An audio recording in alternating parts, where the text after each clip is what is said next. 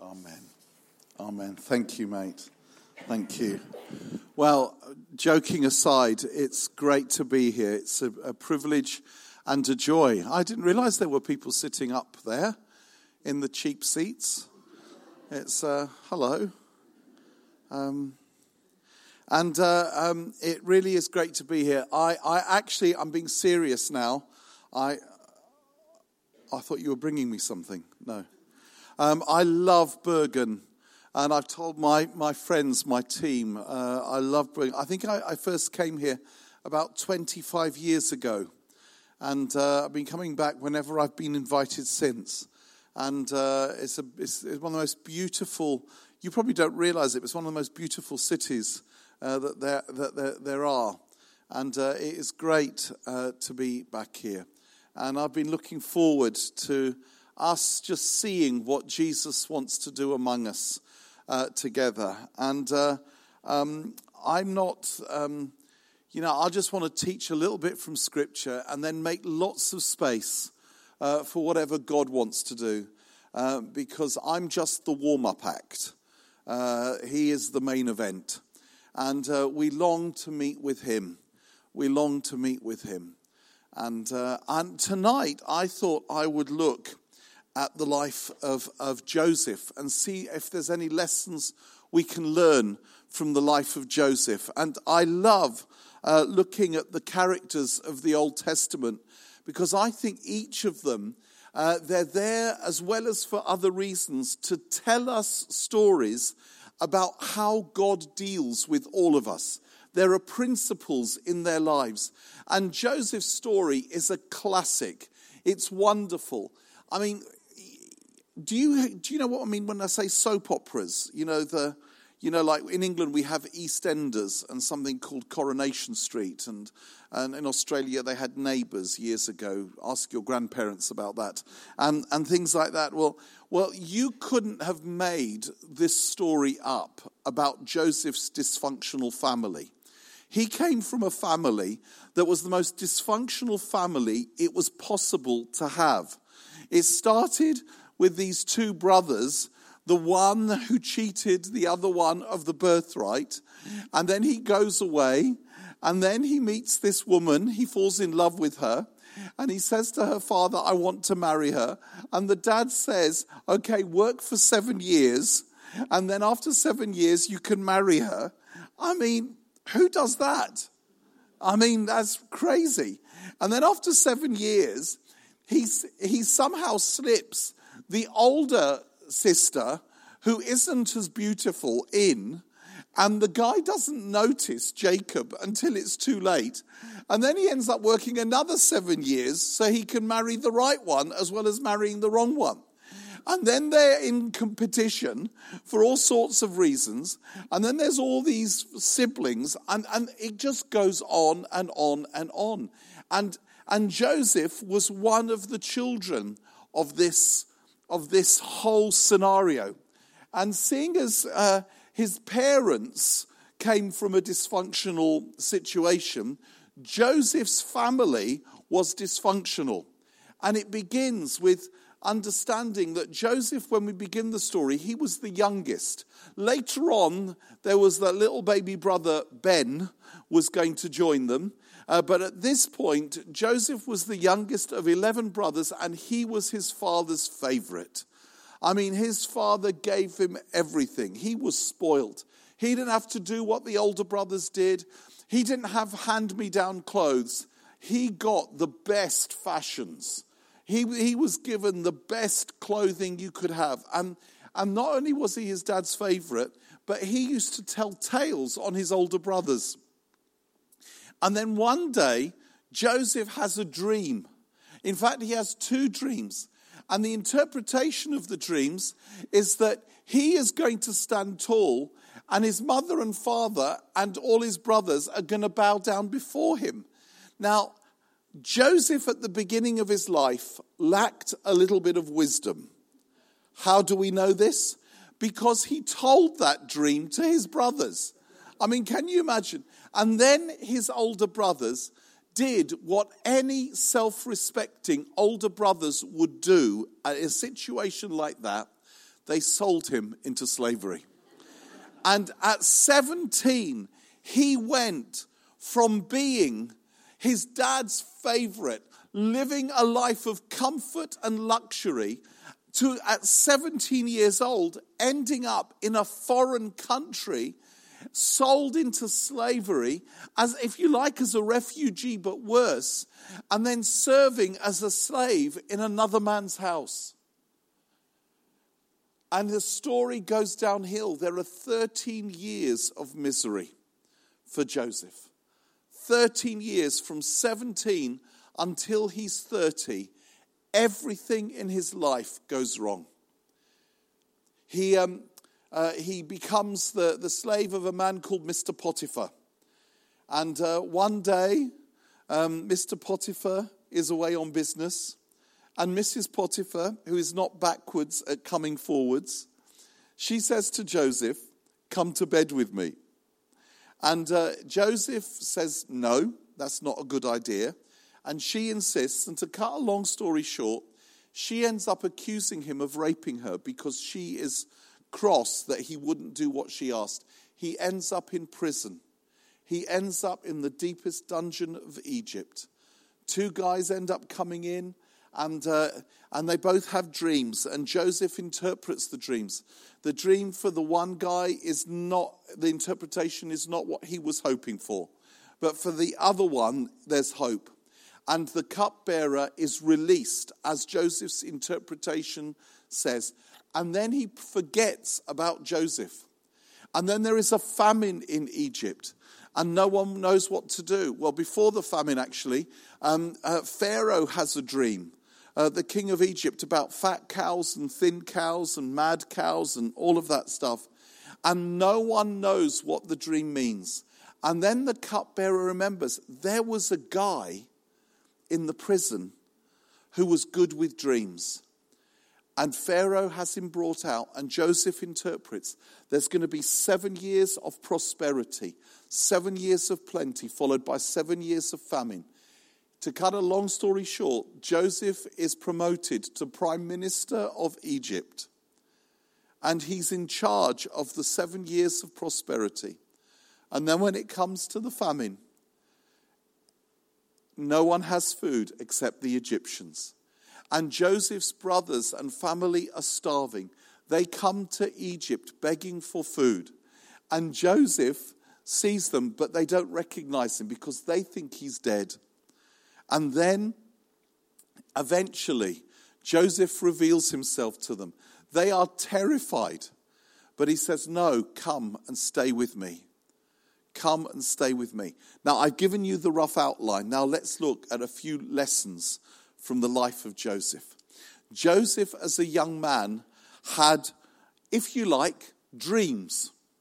Another way of putting it is he moved in spiritual gifts the gifts of, of, of dreams and their interpretation.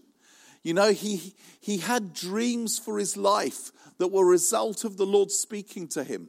But when he said about the dreams, it didn't work out. It was not a good scenario. Then, when he's in prison, these other guys come in and they have dreams. Joseph interprets their dreams, but he stays in prison. Eventually, when Pharaoh hears, he says to Joseph, I hear you're good with dreams. If it was me, at that point, I would have said, Excuse me, Mr. Pharaoh, I used to do dreams, but it didn't really work out for me.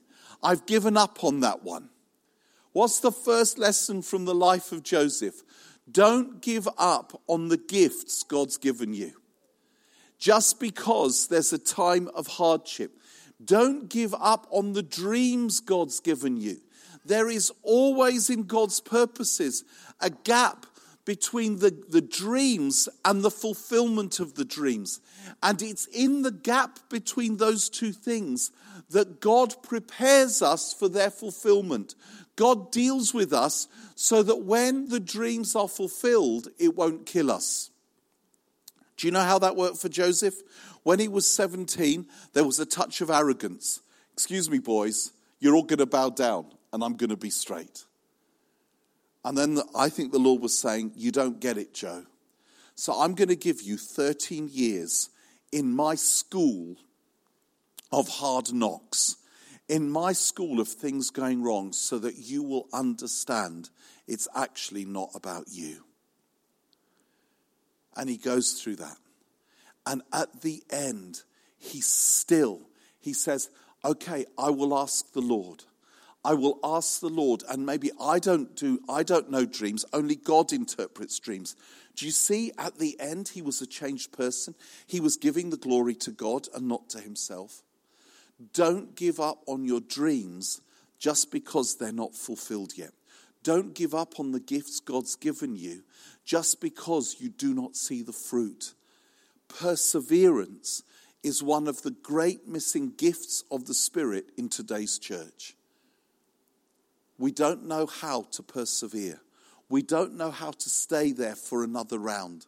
I, I heard, I was told that there is a Norwegian proverb um, that says a hero is someone who holds on for one minute longer.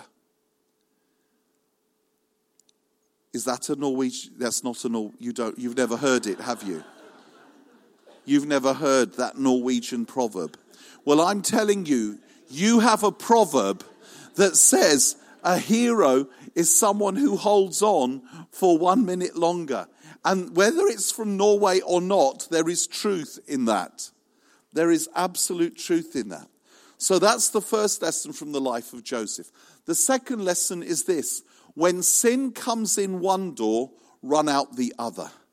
When Joseph was, um, was a slave in Mr. Potiphar's house, Everything had gone wrong for him. Everything. Remember his background. He was the, he was the favored son of Jacob, and now he was a slave. Then, when Mr. Potiphar is out, he's away, Mrs. Potiphar says, Listen to this. Um, in uh, Genesis chapter 39, um, uh, I'll, I'll read from the second half of verse 6. Now Joseph was well built and handsome.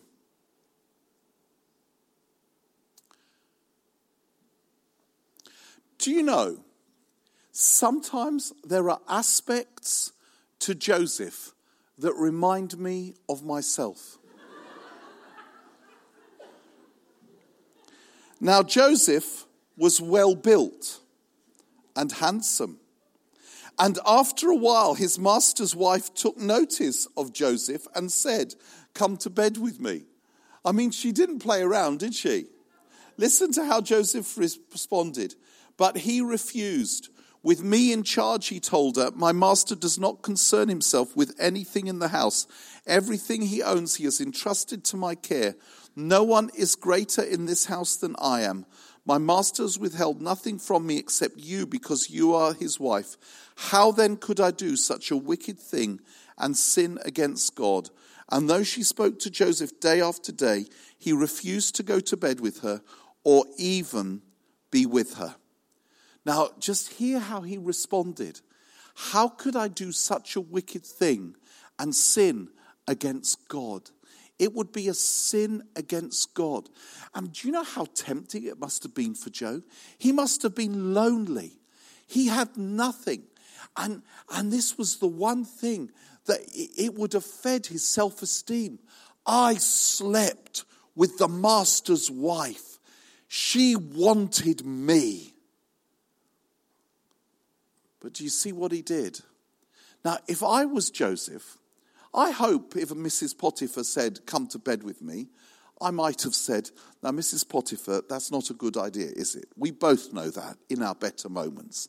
I don't think it's a good idea for us to sleep together. But, Mrs. Potiphar, it doesn't mean that we can't be friends. It doesn't mean, I mean, we're in the same house. Mr. Potiphar's away a lot. You are alone. You are lonely without him. I'm a slave here. It, we shouldn't sleep together, but you know, when he's away, we can have a little Chinese takeout. We can open a bottle of wine, watch a movie together, sit on the sofa, snuggle up, but I don't think we should sleep together. I might have said that. Do you know, see what Joseph said? He said, No way. When sin came in one door, he ran out the other. He refused to even be with her. He refused to even be with her.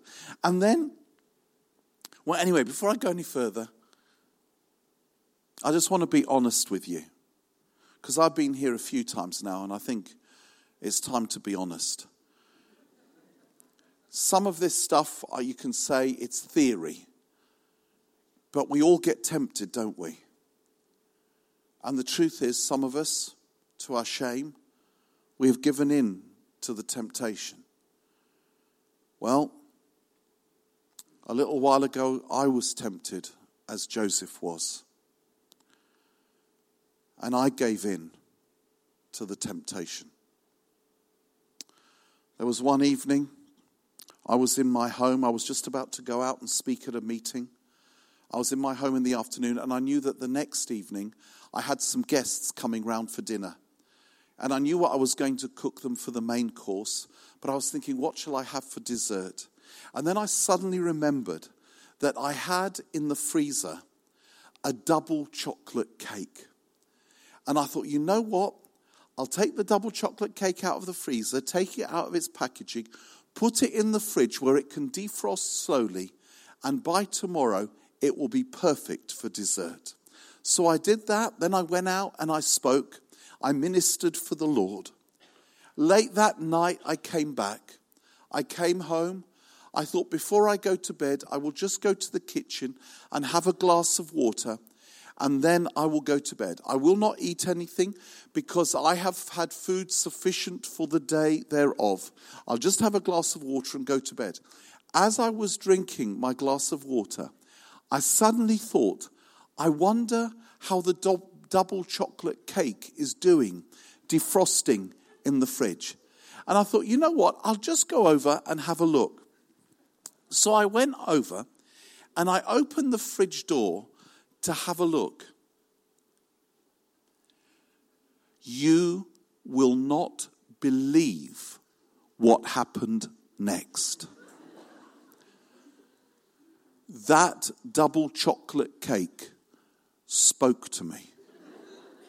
It said, Hello, Mike. And I said, Hello, double chocolate cake. I was really shocked. And the double chocolate cake said, How are you? And I said, Well, I'm very tired. I've just been ministering for the Lord. I'm just having a glass of water and then I'm going to go to bed. And I thought I may as well be polite. So I said, And how are you? And the double chocolate cake said, Well, if I'm honest, I'm very bored. I'm just stuck here in this fridge with only a cucumber and two tomatoes for company. And I said, Listen, double chocolate cake, I'm tired, you're bored. What about while I finish my glass of water, I put you on the kitchen table and I sit down and we have a little chat and then I put you back? And the double chocolate cake said, Well, that would be nice. So I took the double chocolate cake out and we had one of those late night conversations you have with double chocolate cake. What's it like being a cake? What's it like being a human being? After a while, I said to the double chocolate cake, I said, Tell me, Cakey, because we would become friends by then. I said, Tell me, Cakey, are you defrosted? And Cakey thought for a moment and said, Do you know, I'm not sure. There's only one way we can find out.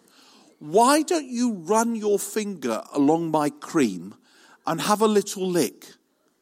And I thought, well, if I just run my finger along Cakey's cream and have a little lick, that's okay, isn't it?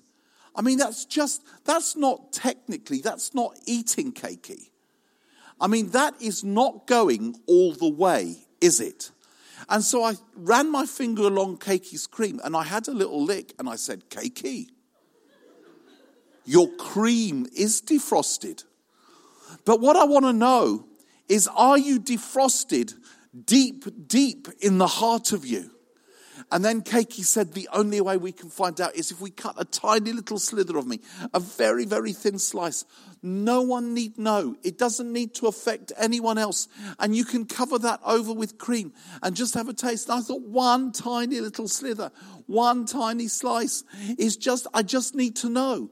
It, you, sometimes you need to know if you are compatible with double chocolate cake.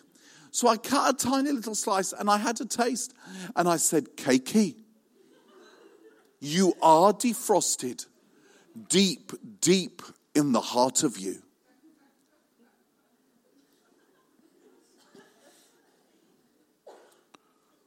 Well, that night, one thing led to another. And by the end of the evening, that double chocolate cake and I were one flesh.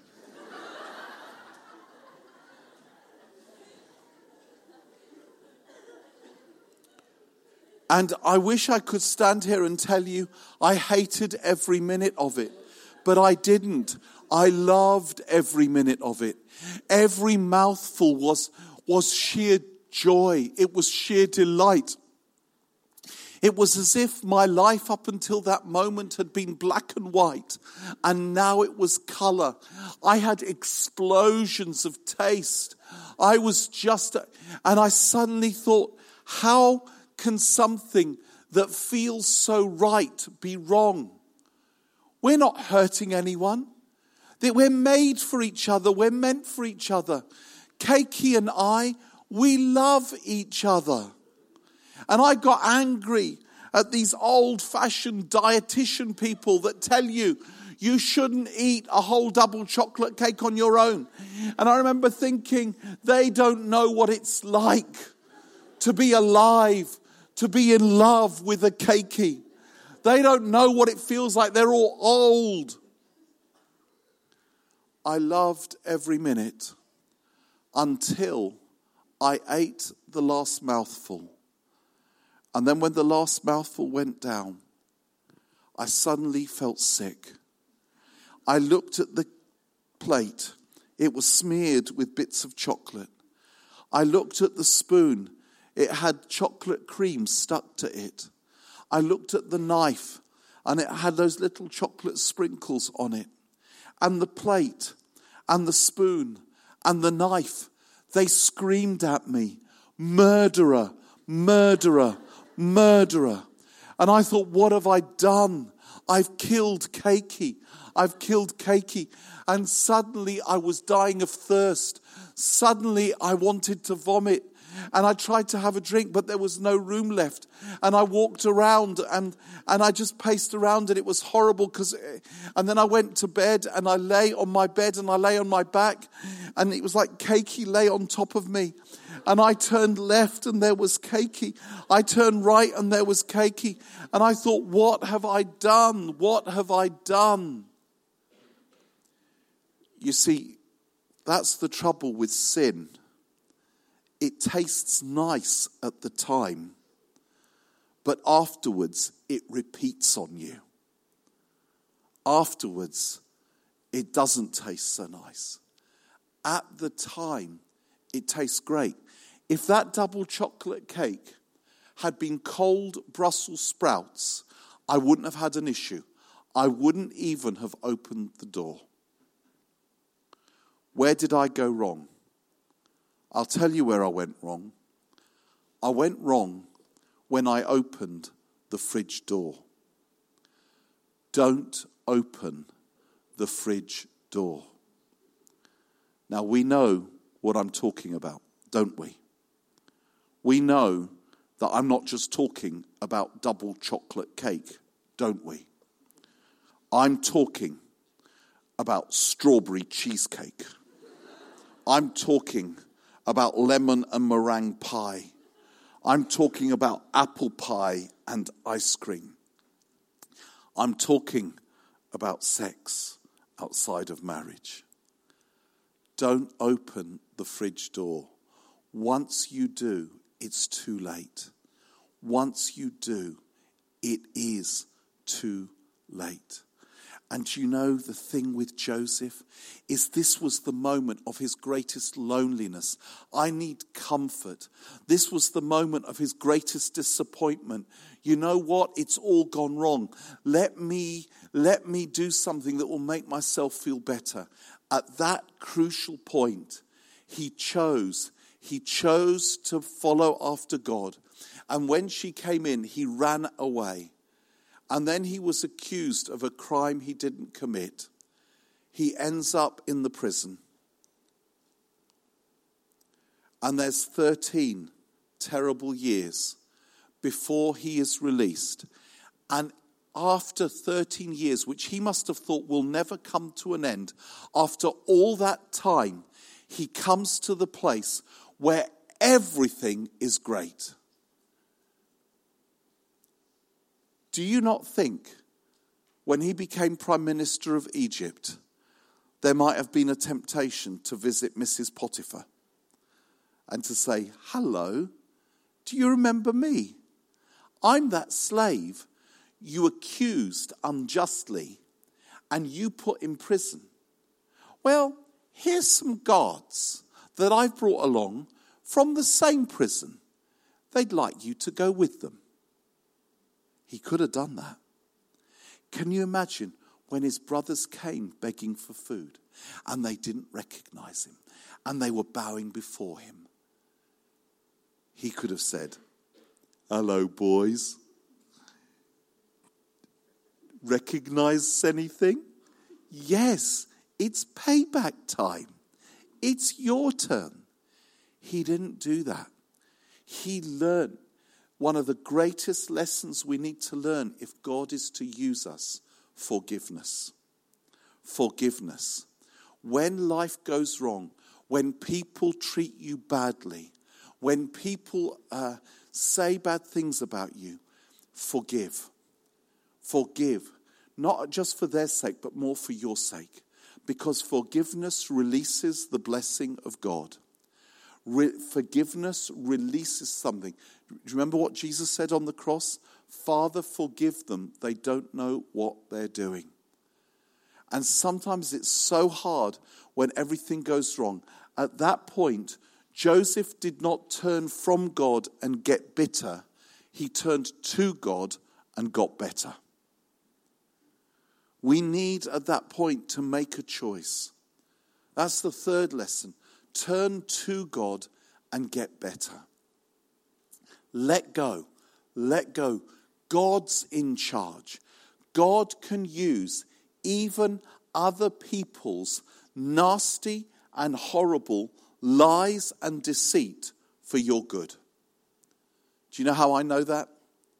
Because Paul says, in Romans 8:28, God works all things, all things together for the good of those who love him, who are called according to his purpose.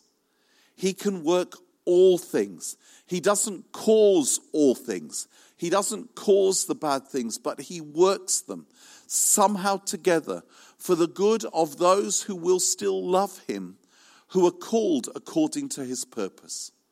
And then when Joseph's brothers come, and I love this bit in, jo- in uh, Genesis 45. And, uh, and Joseph reveals himself to them.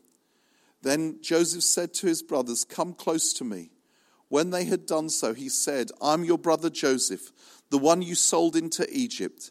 And now do not be distressed and do not be angry with yourselves for selling me here because it was to save lives that God sent me ahead of you. For two years now there has been famine in the land, and for the next five years there will be no plowing and reaping.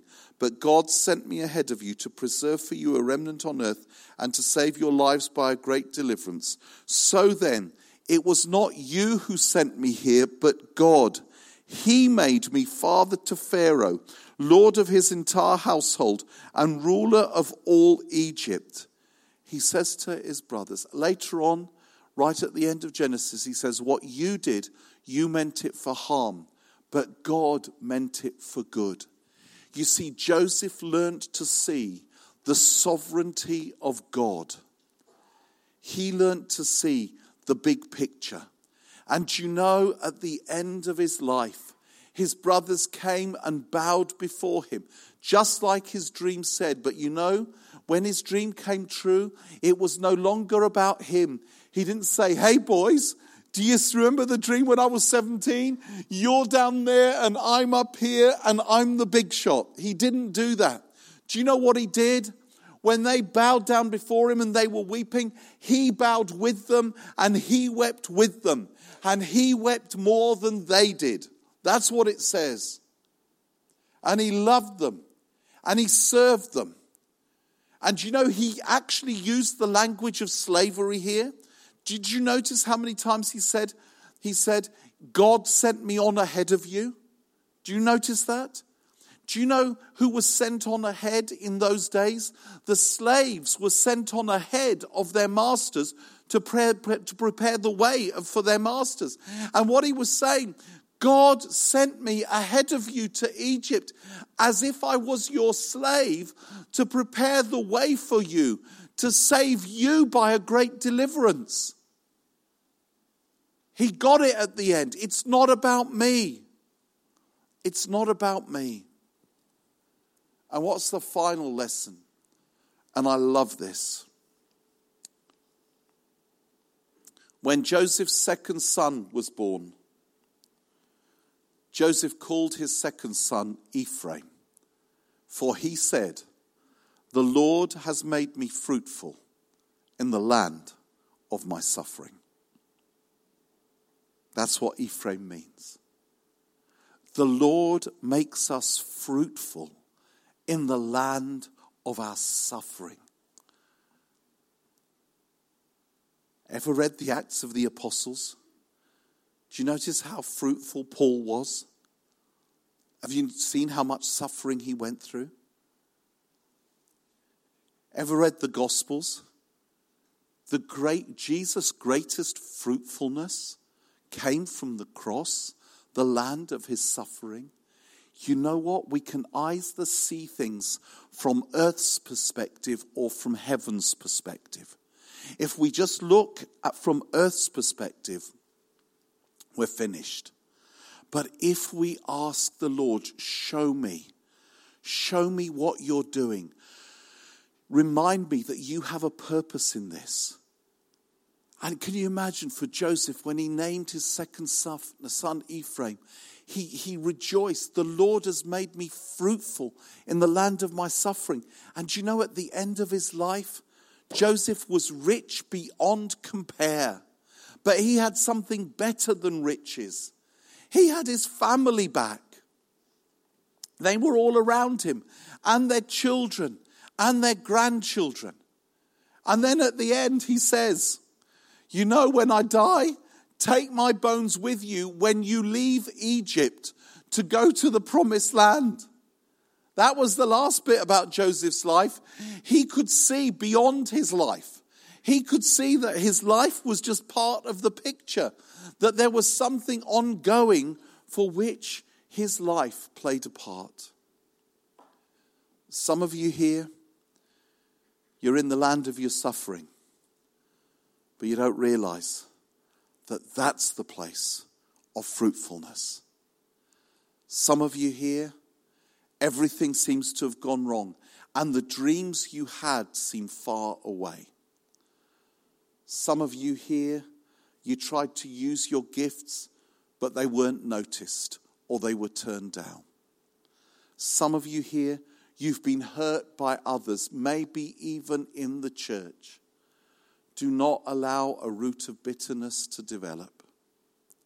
It will kill you. And it will rob you of your inheritance. Some of you here, you've been tempted to open the fridge door. If you have opened the fridge door, that it's easy. I'm sorry, Lord. Forgive me. I start again. If you haven't opened the fridge door, decide now, I will not go there. And it's not simply about sex, it's about all sorts of things. It's about all it's about the temptation to power.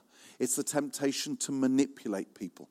It's the temptation to boast, to be proud. There's all sorts of temptations. Don't go there. Don't feed on those things. Wait for the Lord to satisfy you. He can meet you in your prison.